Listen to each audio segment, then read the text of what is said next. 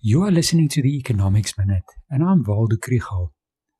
As farmers' problems dissolve in rainwater, so the worries of economists become less as the economy grows.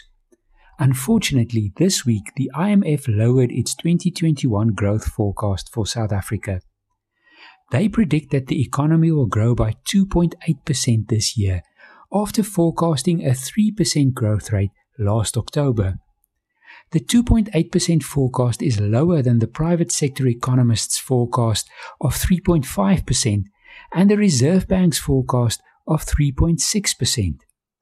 The IMF attributes this lower forecast to the impact that the lockdown is having on the tourism sector, which contributes 7% of GDP.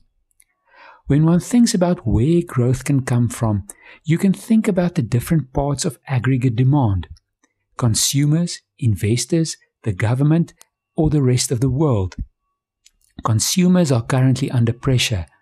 After a sharp fall in retail sales in March, April, and May, it has recovered well, but then fell again in September, October, and November. The latest data from Bankserv Africa shows that the income of between 5 and 10% of employees was negatively affected by the lockdown. Low income groups have suffered. Investors are uncertain about the future, and there are almost weekly news reports of businesses postponing their expansion plans. The government must get public finances in order, and they plan to cut spending and increase taxes.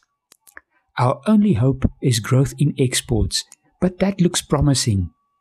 In China, growth prospects look good after successful lockdown measures in the US, Japan, and the economies of our European trading partners are recovering well, mainly because their governments have money for stimulus packages and people are optimistic about the success of their vaccination programs.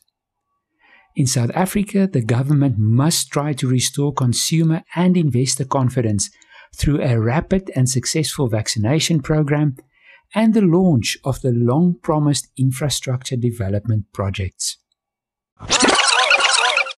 If you want to learn more about the economy, follow the Econ 101 page on Facebook.